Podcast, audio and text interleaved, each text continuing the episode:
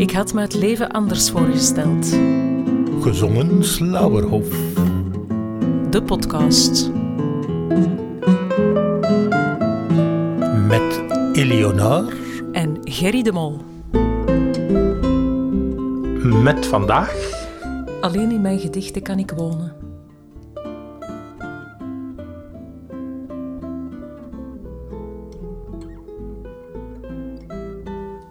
Goedemorgen of goedenavond of zelfs goeienacht, want je kan hier naar luisteren wanneer je wil.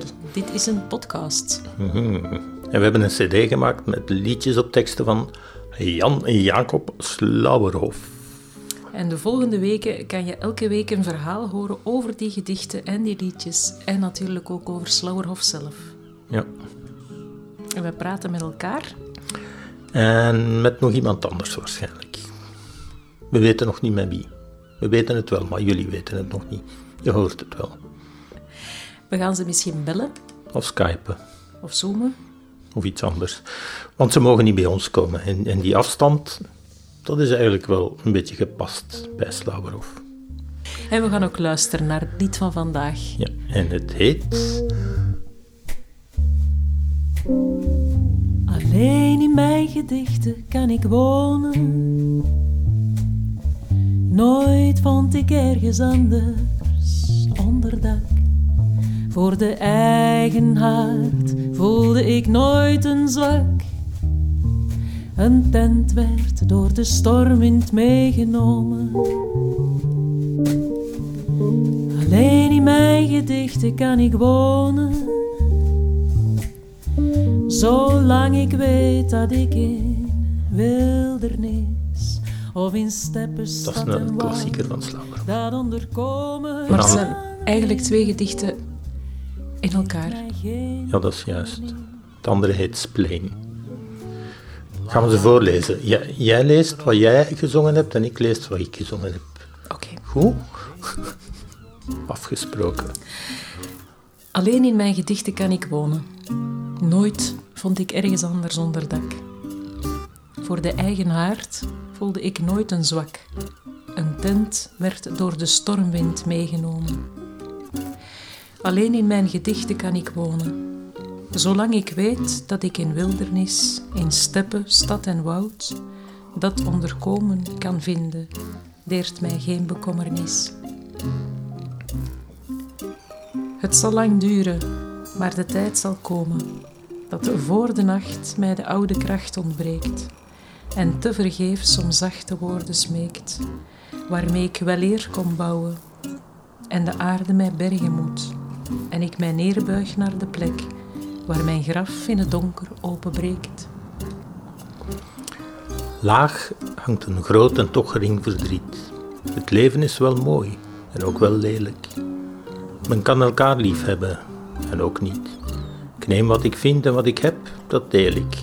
Betekent niets. Noem het regen op de wegen, seconden in het uur of dagen in de maand. Waarom ga je niet dood? Daar is niks tegen. Een stem nooit zwijgend, steeds om stilte maand. Ik wil wel geven, ik wil ook wel nemen.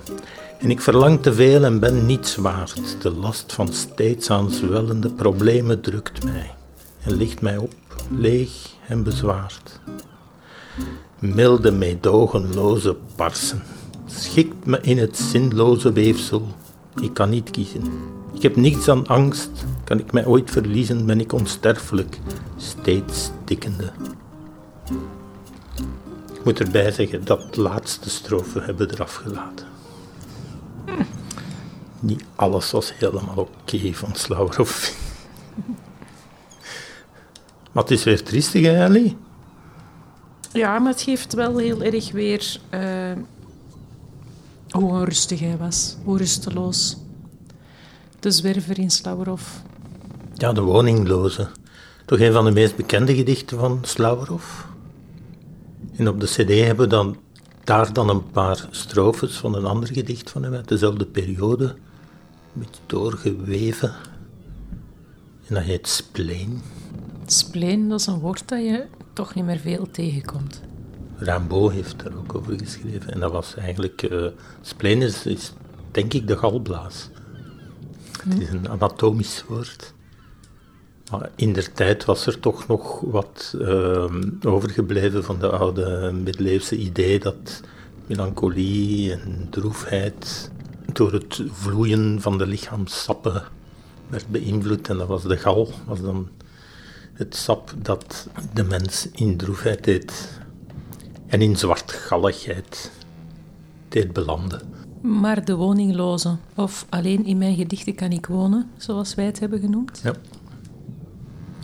gaat eigenlijk over eh, het feit dat hij een gezetteld leven toch niet zo ziet zitten, Slauerhoff. Een vast huis, en zeker niet in Nederland, met een vrouw en kinderen. Ja, ja. Het is een, eh, nee, dat vond hij zeker. Hij, vond, hij is opgegroeid in Leeuwarden. Vond hem heel provinciaal. Hij heeft ook altijd geweigerd om in het Fries te schrijven. Dat was ook zo provinciaal. Dus hij wou daar uitbreken uit die bourgeoisie waar hij in geboren is. Maar ik denk dat het meer is dan dat. Hè. Het gaat niet alleen daarom, het gaat ook over uw, uw plaats in de wereld vinden. En u helemaal goed voelen. eh, dat hij daar zo misschien een stolp voor zocht en dat dat dan is in het, in het maken van die gedichten. En je leest wel meer dat dichters of kunstenaars een beetje eh, van de wereld zijn. Ik denk dat het omgekeerd is, dat de wereld te veel van de kunstenaars en dichters af, af is. Zo in de tweede strofe. Zolang ik weet dat ik in wildernis, in steppen, stad en woud een onderkomen kan vinden. Hij heeft dat tamelijk letterlijk gedaan. Hè? Hij heeft nogal gezworven. En toch wel een poging gedaan om zich dan daar toch wel op een of andere manier thuis in te voelen. Ik vraag me af of die wildernis, die steppen, die stad en dat woud, dat dat echt is. Want die kan daar natuurlijk ook in gaan wonen.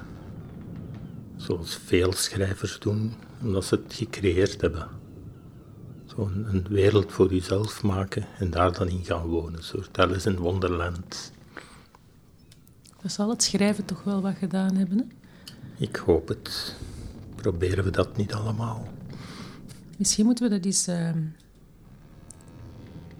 gaan onderzoeken bij hoe dat zit bij andere schrijvers of dichters. Of die ook wel het gevoel hebben dat ze alleen in hun gedichten kunnen wonen.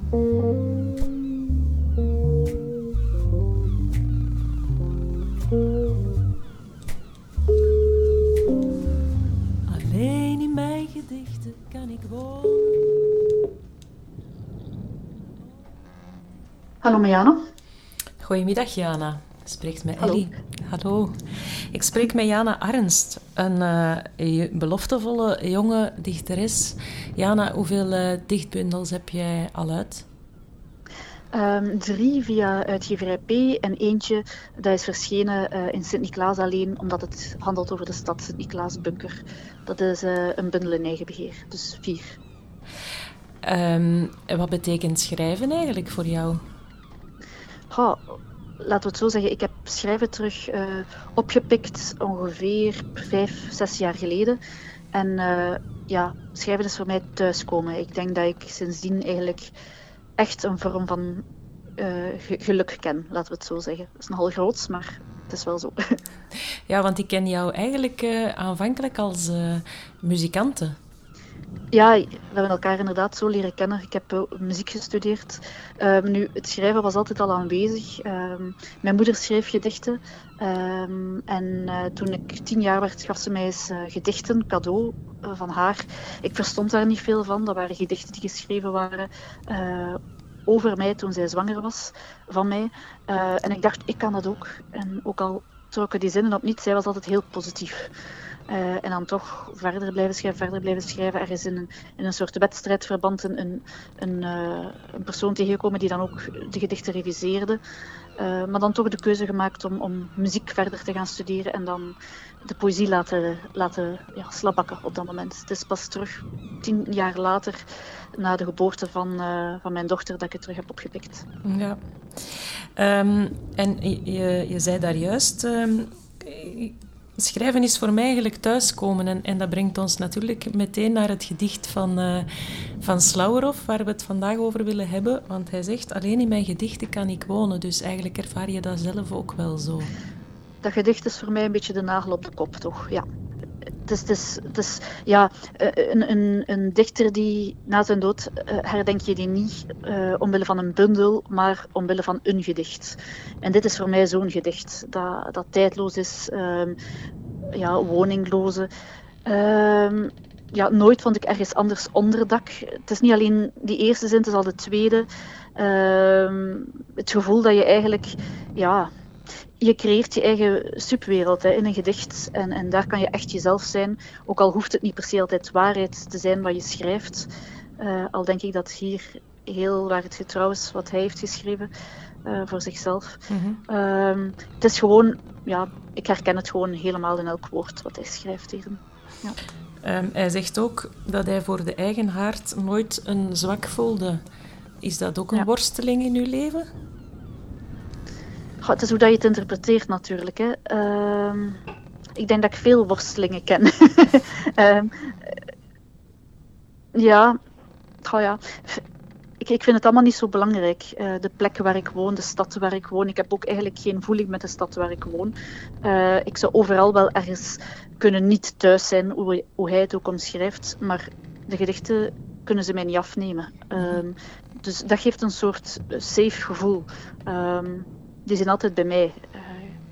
Uh, Slauerhoff straalt ook een hele grote rusteloosheid, of het zwervende ja. zit ook in dat gedicht. Uh, die rusteloosheid, herken je die ook? Ja, maar ik denk dat eerlijk gezegd bijna elke dichter of, of kunstenaar die zal herkennen. Als, uh, als iemand niet lang, weinig tijd heeft om aan zijn eigen werk te werken, te creëren, denk ik dat hij sowieso rusteloos wordt. Ik vermoed dat jij dat als zangeres ook wel kent, als je nu te lang geen optreden kan, uh, kan doen. Uh, dus voor mij is het dan die rusteloosheid, als ik, als ik lang niet mij daarmee heb kunnen bezighouden. En sowieso ben ik een rusteloze persoon, maar ik heb daar vrede mee.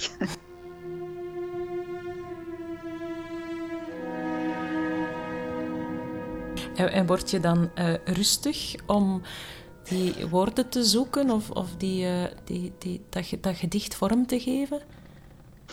Ik ben een slechte, een slechte uh, ja, ik kan me heel slecht concentreren, maar de momenten dat dat lukt, dat is, dat is mijn mindfulness, laten we het zo zeggen. Al, er zijn altijd een paar minuten en dan, dan ben ik weer afgeleid door iets anders, maar dan terug op dat gedicht. Um, en dat zijn rustmomenten. Natuurlijk de echte rust komt pas als het gedicht echt af is en ik weet, ik ben content, het klopt, het is oké. Okay.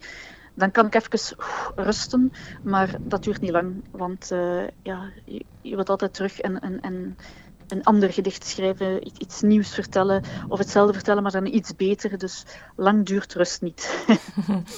um, heb, heb jij, Jana, een, een soort uh, hoofdthema of, of iets dat heel typerend is voor jezelf, dat altijd terugkomt in jouw gedichten?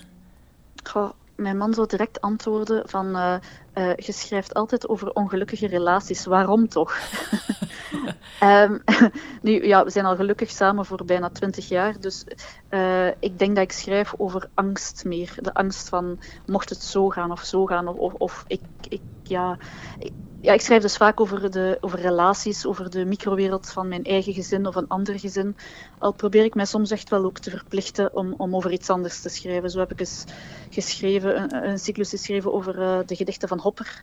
Nu ga ik mij over gedichten buigen die iets te maken hebben met Escher, uh, de grafisch kunstenaar. Uh, of over de stad Sint-Niklaas, dat was ook... Ik, ik, zie dat wel als nevenprojecten, als nevengedichten. Het zijn niet echt helemaal mijn gedichten dan. Uh, maar het liefste schrijf ik altijd gebroken relatiegedichten. Ik weet ook niet waarom, sorry. ja, het is ook een beetje een Slauerhoff thema. Ja, dat zou je kunnen zeggen. Ja. Of over slapeloosheid. Ik denk alle, ja, alle demonen pak ik wel eens aan uh, om er misschien beter mee overweg te kunnen. Ja. Heeft schrijven de, de betekenis die het nu heeft voor jou, is dat een, een, een vervullende betekenis die je nog heel lang wil behouden? Ja, met de muziek was het voor mij eindig in die zin. Ik was geen componist. En voor mij um, is een muzikant ook iemand die zelf kan componeren. Dat is iets dat ik voor mezelf heb uh, ja, beslist. En ik, ik, kon enkel uitvoeren. Dus daar had ik weinig voldoening ja, ja, uiteindelijk mee. En dan ben ik fotografie gaan uh, studeren en daar heb ik ook iets mee gedaan. Uh, maar ook daar was ik vond het niet volledig genoeg. Uh, mm -hmm. En met de poëzie vond ik het al het meest volledige. En, en ja, ben ik ook het verst al mee geraakt. Ik denk dat ik dat ook het beste beheers. Ehm, al hoop ik toch ook andere dingen nog te kunnen schrijven. Ehm, al vrees ik dat ik daar misschien niet genoeg discipline voor heb. ja, maar ik hoor inderdaad wel de zoektocht uh, om, uh, om toch altijd wat meer vervulling te vinden in je leven. Dus... Ja, ja, ik hoop dat dat gezond blijft, we zullen zien. ja, dat is ook uh, heel erg uh, Slauerhof natuurlijk. Uh, Jana, ik wil u heel erg bedanken voor, dat is niets. voor dit interview en de tijd die je daarvoor wilde vrijmaken. En nog heel, veel, heel veel succes nog met jouw gedichten. Ja, en jij met jouw podcast en het zingen. Dank je wel. Salut. Ja.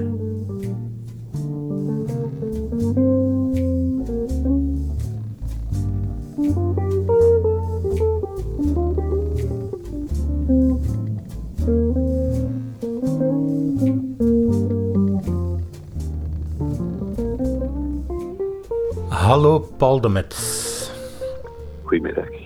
Paul, jij bent dichter en al heel lang poëzierecensent in allerlei media. En je hebt een, al, toch tamelijk wat prijzen gewonnen met jouw vorige dichters, uh, bundels, de Klaverknoop en de Hazenklager. Ja. En we zijn nu bezig met het gedicht Alleen in mijn gedichten kan ik wonen van Slauwerhof. En ik sla jouw heel recente bundel open. En wat lees ik daar? Liever dan het woord te nemen, had ik door dit woord omhuld willen zijn. En dat is niet geen dichter die dat zegt, maar Michel Foucault. Dat is hetzelfde als wat Slauwerhof zegt, precies.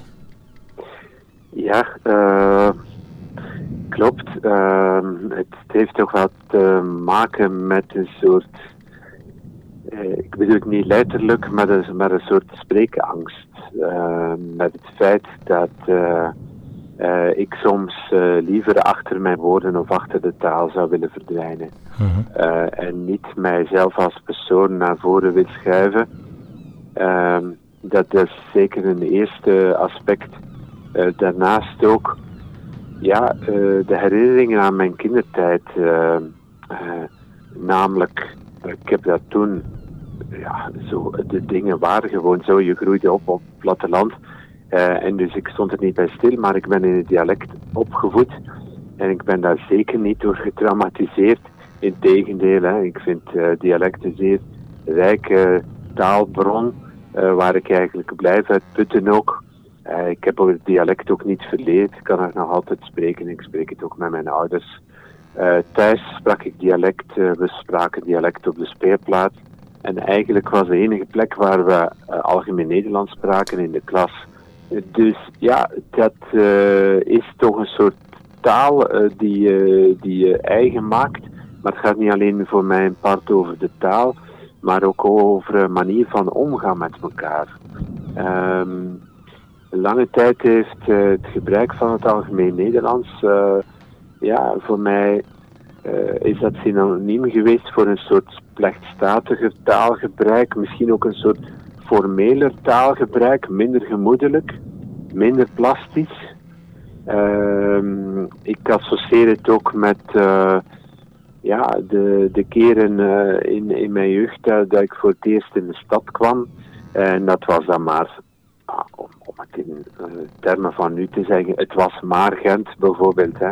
Alsof Gent zo'n gigantische stad is, mhm. maar toch als kind verbaasde ik mij, en ook als jongere dan vooral eigenlijk, want als kind stond ik daar niet zo bij stil.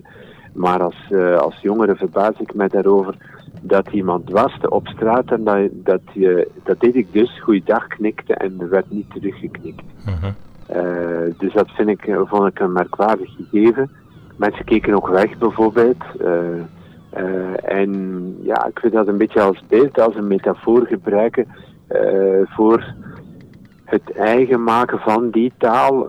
Dus taal associeer ik ook met omgang met de medemens, die ik mij heb moeten eigen maken om te kunnen functioneren in de maatschappij. Ik bedoel daar niet mee dat, ik mij een soort onaangepaste voelde, maar toch, ja, ehm, het was geen evident gegeven. Nu, het, te wonen in die taal van Slauwerhoff, heeft dat ermee te maken, denk je, dat hij eigenlijk niet kon precies zeggen wat hij wilde zeggen en het, dan, en het dan maar neerschreef? Ik denk het wel. Uh, en dat het dus zeker niet alleen met zijn rusteloosheid te maken had, waarmee hij over de zeeën zwierf, maar dat het ook te maken had met ja, niet gezegd kunnen krijgen van wat hij, wat hij eigenlijk wou uitdrukken. Ja, ik denk het wel, ja. Paul, je hebt ongelooflijk veel poëzie gelezen. Is dat eigenlijk niet een beetje de definitie van een dichter? Waarom zou je het anders neerschrijven? Ik wil het niet uh, psychologiseren, maar uh, als er niet een soort gevoel is van dakloosheid op een of andere manier, uh, het feit dat je in een bepaalde situatie of in een bepaalde maatschappij niet thuis voelt, ehm, ja, maar ik zou misschien maar beter eraan doen om, om op deze plaats voor mijzelf te spreken. Maar het is, ja, dan, denk ik, dan, dan schrijf je misschien geen poëzie. Uh, omdat uh, ja, poëzie toch meer dan, dan het schrijven van verhalen of proza te maken heeft, net met dat zoeken naar een manier om je te uiten, naar een bepaald register waarin je dat wil of kan doen met een soort gelaagdheid ook. Poëzie, maar ik zal dan inderdaad voor mezelf spreken, is ook een manier om tegelijkertijd uh, te spreken, maar tegelijkertijd ook uh, uh, je niet helemaal te hoeven uitspreken in die zin dat het niet om een, een heel beschrijvende, duidelijke mededeling hoeft te gaan. Dus ja, je kunt die balans meer zoeken, denk ik, in poëzie. Ik vind dat dat de ontzettende kracht van.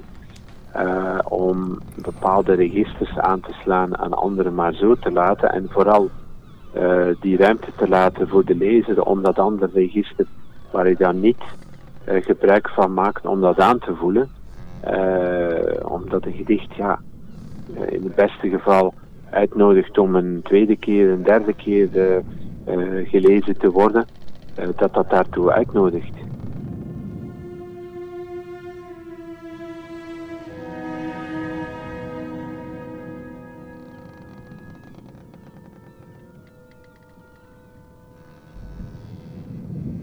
Ik interpreteer die zin van Slauwerhoff ook wel een beetje als in mijn gedichten wil ik wonen of kan ik wonen.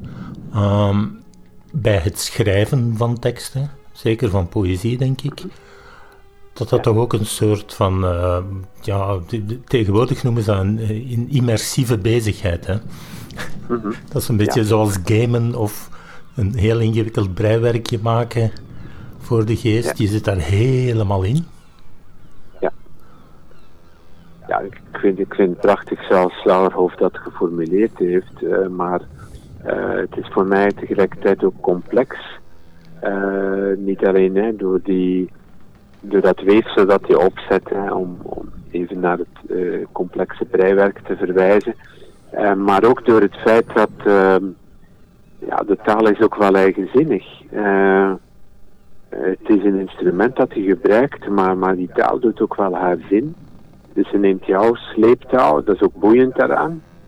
Ehm, nogmaals, als ik dat vergelijk met een verhaal of een roman, daar ja, er eh, zijn ook wel associaties eh, die spelen, eh, maar minder toch dan, dan in poëzie, waar plots een aantal versregels op papier staan waarvan je zelf afvraagt wat hebben die eigenlijk met elkaar te maken.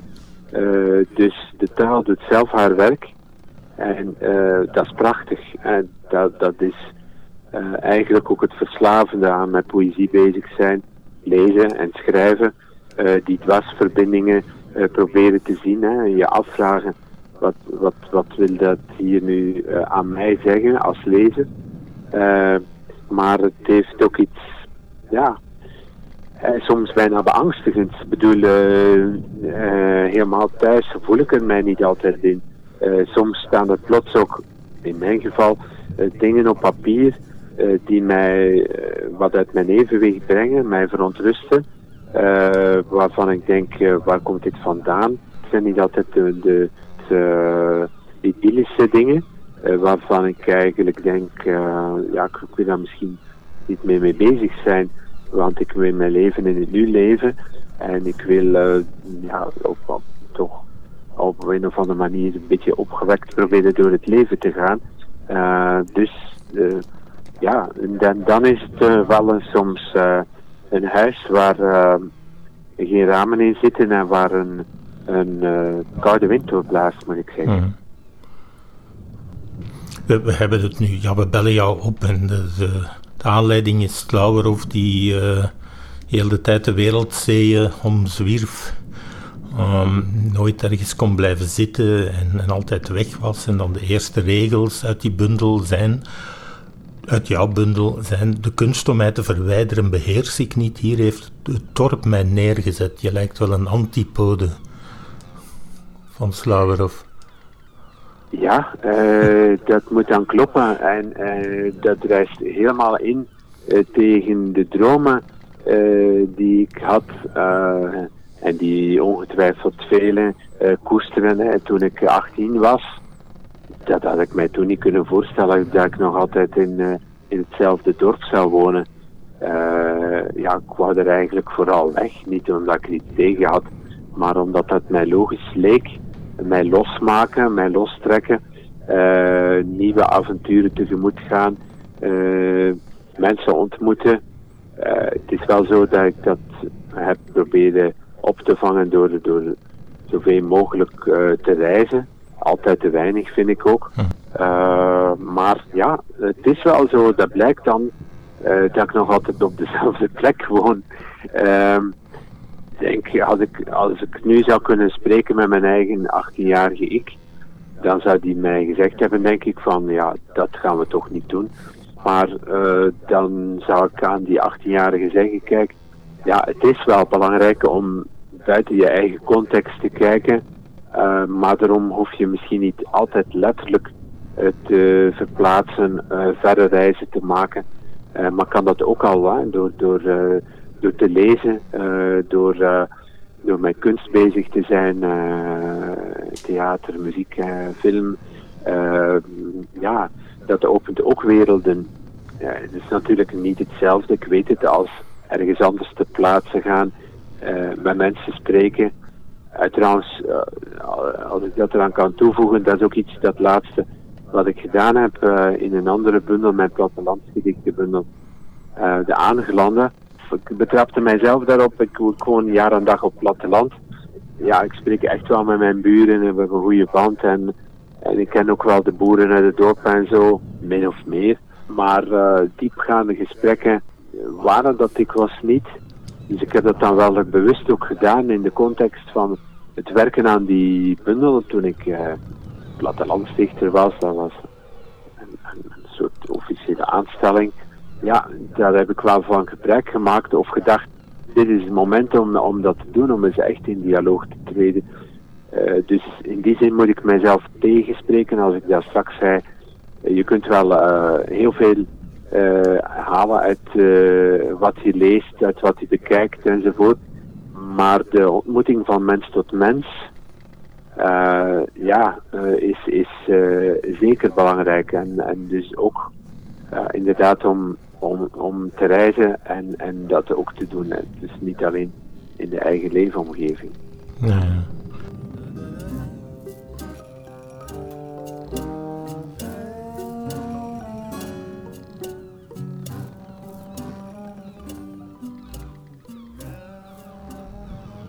die grote romantiek van het ver weggaan heb je niet altijd nodig om, om heel te zijn, zeg maar. Ja, ik denk dat dat uh, toch altijd te maken heeft met een zoektocht naar jezelf. En uh, het is ook bij jezelf dat je uiteindelijk uh, terugkeert. Dat kan ook moeilijk anders.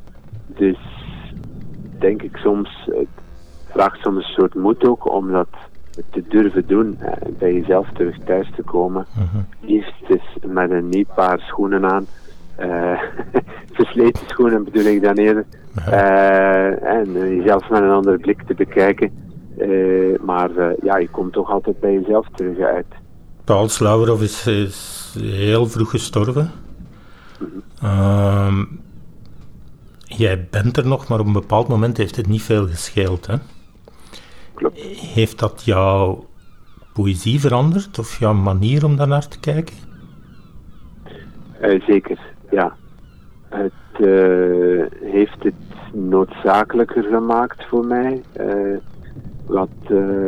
tot dan had ik ook iets in mij van later, later, als ik groot ben, bij wijze van spreken. Ik was eigenlijk vooral bezig met lesgeven, dat doe ik nog altijd, en nog altijd met hart en ziel. En dat is ook intens, uh, want dat kan je niet half doen, vind ik. Ik heb dan wel besloten ook om, om daar echt uh, regelmatig uh, tijd voor te maken. want er moet een soort leegte ontstaan, ook om, om tot creëren te komen. Hè. Als je agenda voortdurend vol zit, dan lukt dat niet, is toch mijn ervaring. omdat je eerst vanuit een soort leegte dat, dat er eerst een soort leegte moet zijn om van daaruit te kunnen creëren. Dus dat, dat heeft mij wel veranderd. Ja, ik probeer mijn aandacht wel te verdelen en ruimte te maken om, om te schrijven. Mhm. Eh, omdat het toch zo is, eh, toch in mijn geval, maar ik denk bij velen, na zo'n eindervaring, hè, toen ik die hartstilstand kreeg in 2015 en uh dankzij de handen van de spoedarts er nog ben, ja, dan maak je zo toch wel een rekensommetje. In die zin dat je afvraagt wat er goed was hè, en wat je belangrijk vindt in, in je leven. En dat blijkt voor mij toch uh, onder andere zeker ook het schrijven te zijn. Dus dan heb ik ook wel gedacht, dan moet ik er echt ook wel werk van maken. En niet denken, ik heb nu geen tijd, maar binnen vijf jaar of binnen tien jaar, dan, ja, dan gaat het gebeuren. Ja. Denk je, de, deze periode waar we nu in zitten, of dit jaar dat ondertussen voorbij is, soms had ik het gevoel dat het een verbetering was, omdat je, zeker als je wilt schrijven of iets wil creëren, omdat er nu een externe reden was om je wat af te zonderen. Uh, hoe zit dat voor dichters? Denk je dat zij daar stiekem een beetje voordeel uit gehaald hebben? Ja, dat zou best kunnen. Uh, van sommigen hoor ik dat ook. Uh, alleen is dat voor mij totaal niet het geval. Want ja, we zijn meteen in het hoger onderwijs, hoger kunstonderwijs. ik geef les in Kask in Gent, School of Arts. En ook een stukje aan de universiteit. zijn we meteen naar online onderwijs overgeschakeld. Hm. dus het was even intens. Uh, zelfs nog intenser omdat het ja, uh, toch veel meer energie kost uh, om via allerlei zaken als Teams en Zoom enzovoort les te geven dan dat fysieke contact. want vaak heb je het gevoel dat je toch met een of andere statische televisieuitzending bezig bent. En ook trouwens in de rand met technische aspecten als loopt dit beeldfragment wel enzovoort, kan niet het in, in het wel horen enzovoort. Dus uh, ja, ook alle gesprekken met studenten allemaal online. Uh, ook de tragiek meemaken, want ik denk dat het echt geen te groot woord is om sommige studenten te zien die vereenzaamd geraakten, nog weinig familieleden, laat staan vrienden, medestudenten konden zien.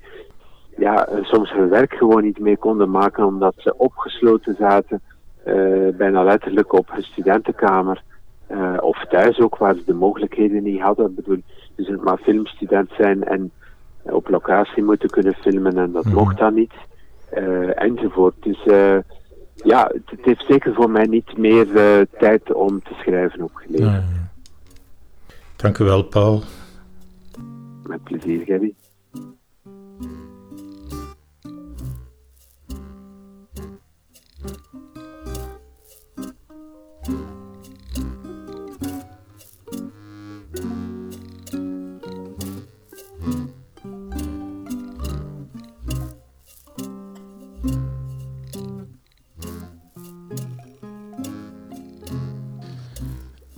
zullen we het toch nog even over de muziek hebben. Dat tweede gedicht, dat heet Spleen. We hebben al gezegd, dat zou eigenlijk een blues zijn. De muziek is toch ook een beetje blues. Een beetje jazz. En het is een duetje. Het is een duetje geworden, ja. Die Spleen daartussen. En ik vond het tof op, op het einde een beetje te sketten. Het is gelijk Tom Waits en Betty Midler.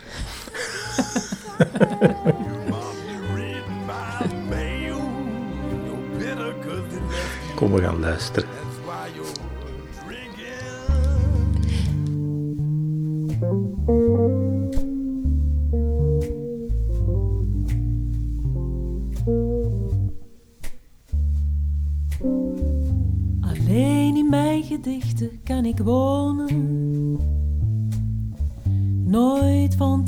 Anders onderdak. Voor de eigen haard voelde ik nooit een zwak. Een tent werd door de stormwind meegenomen. Alleen in mijn gedichten kan ik wonen. Zolang ik weet dat ik in wildernis of in steppen, stad en woud dat onderkomen kan vinden, deert mij geen bekommernis. Laag hangt een groot en toch gering verdriet. Het leven is wel mooi en ook wel lelijk. Men kan elkaar lief hebben en ook niet. Ik neem wat ik vind en wat ik heb, dat deel ik, betekent niets. Noem het regen op de wegen seconden in het duur of dagen in de maand. Waarom ga je niet dood? Daar is niets tegen, zegt een stem die nooit zwijgt en besteedt zo'n stilte maan. Het zal lang duren, maar de tijd zal komen dat voor de nacht mijn oude kracht ontbreekt en te vergeefs om zacht te worden smeekt. En de aarde mij bergen moet ik mij neerbuig naar de plek waar mijn graf in het donker openbreekt.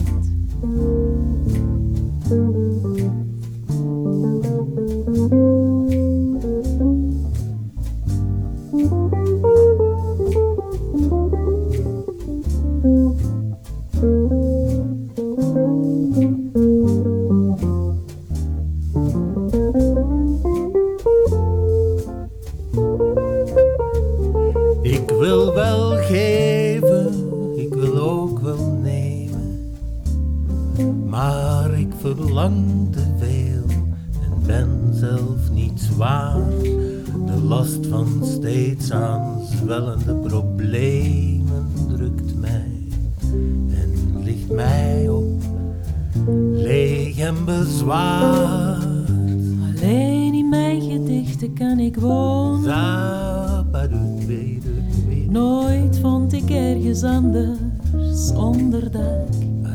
Voor de eigen haard voelde ik nooit een zwak. Een tent werd door de stormwind meegenomen. Een tent werd door de stormwind meegenomen. Een tent werd door de stormwind meegenomen. Dat was het dan voor vandaag. Luisteraar, nog niet weglopen. Het is nog niet echt gedaan. Ellie weet het niet, maar er komt nog een bonusstukje. In de eerste aflevering, weet je nog, dan heb ik gezegd van ik heb Slauberhof nog wel gekregen in school. En Ellie zei toen, ja, maar ik niet. Waarmee ze eigenlijk wil zeggen van, ik ben een beetje jonger dan jij. Maar vandaag zijn er nog leerlingen die iets over Slauberhof lezen in de klas. Bijvoorbeeld in Melle bij Gent in het Sint-Franciscus Instituut. Daar mochten leerlingen kiezen uit een aantal sonnetten. En welke werd gekozen? De woningloze van Slauerhof.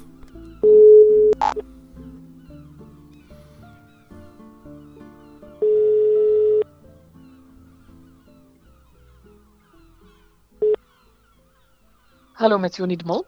Ik spreek met de leerkracht Nederlands van het Sint Franciscus Instituut in Melle en jij geeft aan je leerlingen Slauerhof te lezen. Inderdaad. En wat vinden ze daarvan? Ehm, ik weet niet van iedereen wat ze ervan vinden, ehm, omdat ze mogen kiezen. Dus ze lezen een aantal sonnetten. Ze krijgen een bundeltje waar er heel uiteenlopende sonnetten in staan. Maar onder andere eentje van Slauerhof. En ze mogen dan zelf eh, de gedichten uitkiezen die hen het meeste aanspreken. En sommigen kiezen dan, dan toch wel voor Slauerhof. Ehm, en heel vaak herkennen ze het idee van je, je nergens thuis uh, voelen. En zeker dit jaar, door corona kwam dat wel terug. Ehm, dat ze dat gevoel, ja, dat er, dat er niks kan en mag en jezelf verloren voelen in die wereld, uh, dat, dat herkenden ze wel in, in het gedicht Woningloze. Vinden ze dat niet een beetje oudbollig? Het is honderd jaar Ja, ze hebben, ze hebben soms inderdaad wel moeite met het taalgebruik. Um, dat merk je vooral ook als, als een... Uh, velen kiezen andere gedichten die dan wel wat makkelijker zijn. Maar je hebt er toch altijd die daar wel kunnen, kunnen doorkijken. En als ze het dan een paar keer gelezen hebben, die er dan toch wel, toch wel iets in, in terugvinden of iets in herkennen. Zeg, een van jouw leerlingen heeft uh, ook een antwoord geschreven aan Slauerhof, hè?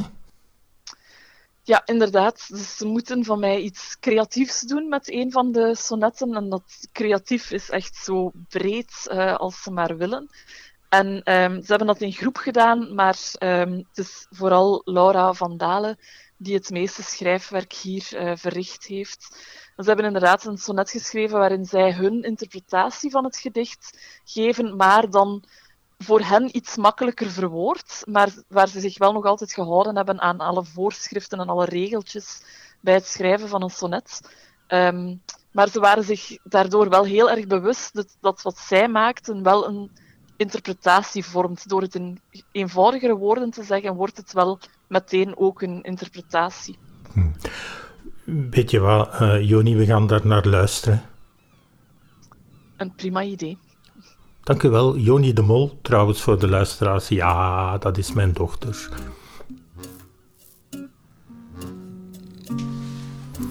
Maar hier komt als bonus dus Laura van Dalen. Alleen mijn gedichten maken me blij. Nooit voelde ik me ergens veilig, maar thuis was en bleef het heilig. De buitenwereld leek één groot schilderij. Alleen mijn gedichten maken me blij, maar als ik buitenshuis vertrouwen vind, buiten, binnen of diep in mij, ben ik door vreugde verblind. Nog even en het is voorbij, voor ik onder de druk bezwijk en ik naar warmte en vergiffenis reik, die ik kan koesteren wanneer het leven me verlaat, gedrenkt in eer, waarmee ik mijn leven herbekijk.